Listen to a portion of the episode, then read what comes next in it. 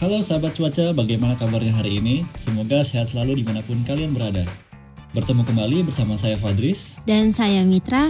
Hari ini kami akan membahas sebuah topik yang sangat menarik nih, yaitu tentang petir.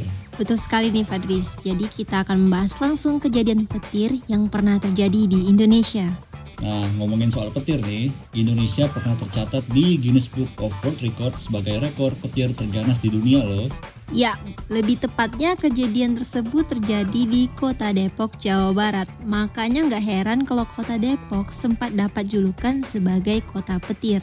Dan juga nih ya, pada tahun 2002 lalu, profesor dari IPB yaitu Profesor Renaldo Zoro melakukan penelitian eh, yang disponsori oleh PLN cabang Depok mendapati bahwa kejadian petir di Depok memiliki arus petir negatif berkekuatan hingga 379,2 kA dan petir positif mencapai 441 kA. Wah, besar banget ya kuatannya ternyata.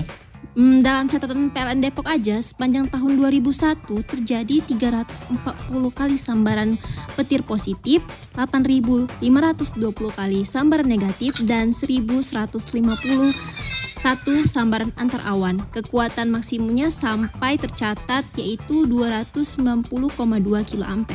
Dan juga nih katanya menurut Profesor Zoro, Depok merupakan daerah yang dipengaruhi angin regional dan juga angin lokal loh. Gerakan angin itulah yang menyebabkan pembentukan awan petir dengan kerapatan dan sambaran petir sangat tinggi. Hmm, makanya nggak hanya Depok aja nih. Indonesia memang dikenal sebagai negara dengan sambaran petir yang cukup tinggi. Profesor Zoro menjelaskan kondisi meteorologis di Indonesia memang sangat ideal nih bagi terciptanya petir.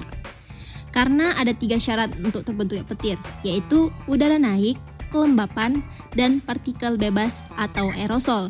Dan itu sangat terpenuhi dengan baik di Indonesia sebagai negara maritim.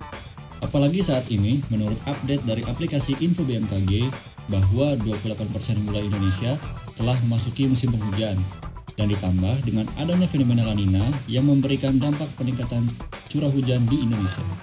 Maka dari itu, kita harus semakin waspada terhadap fenomena-fenomena meteorologi terutama petir ini nih. Wah, ternyata membahas tentang petir menarik juga ya. Kita bisa dapat informasi baru dan juga fakta menarik mengenai petir di Indonesia. Makanya nih, pendengar nih harus terus update informasi perihal cuaca dan fenomena meteorologi di aplikasi Info BMKG. Ayo kita lebih waspada cuaca dan peduli iklim. Baiklah, sekian pembahasan yang bisa kami sampaikan. Semoga bermanfaat bagi kita semua. Dan terima kasih juga yang telah mendengarkan podcast ini hingga akhir. Kami pamit. Salam cuaca. cuaca.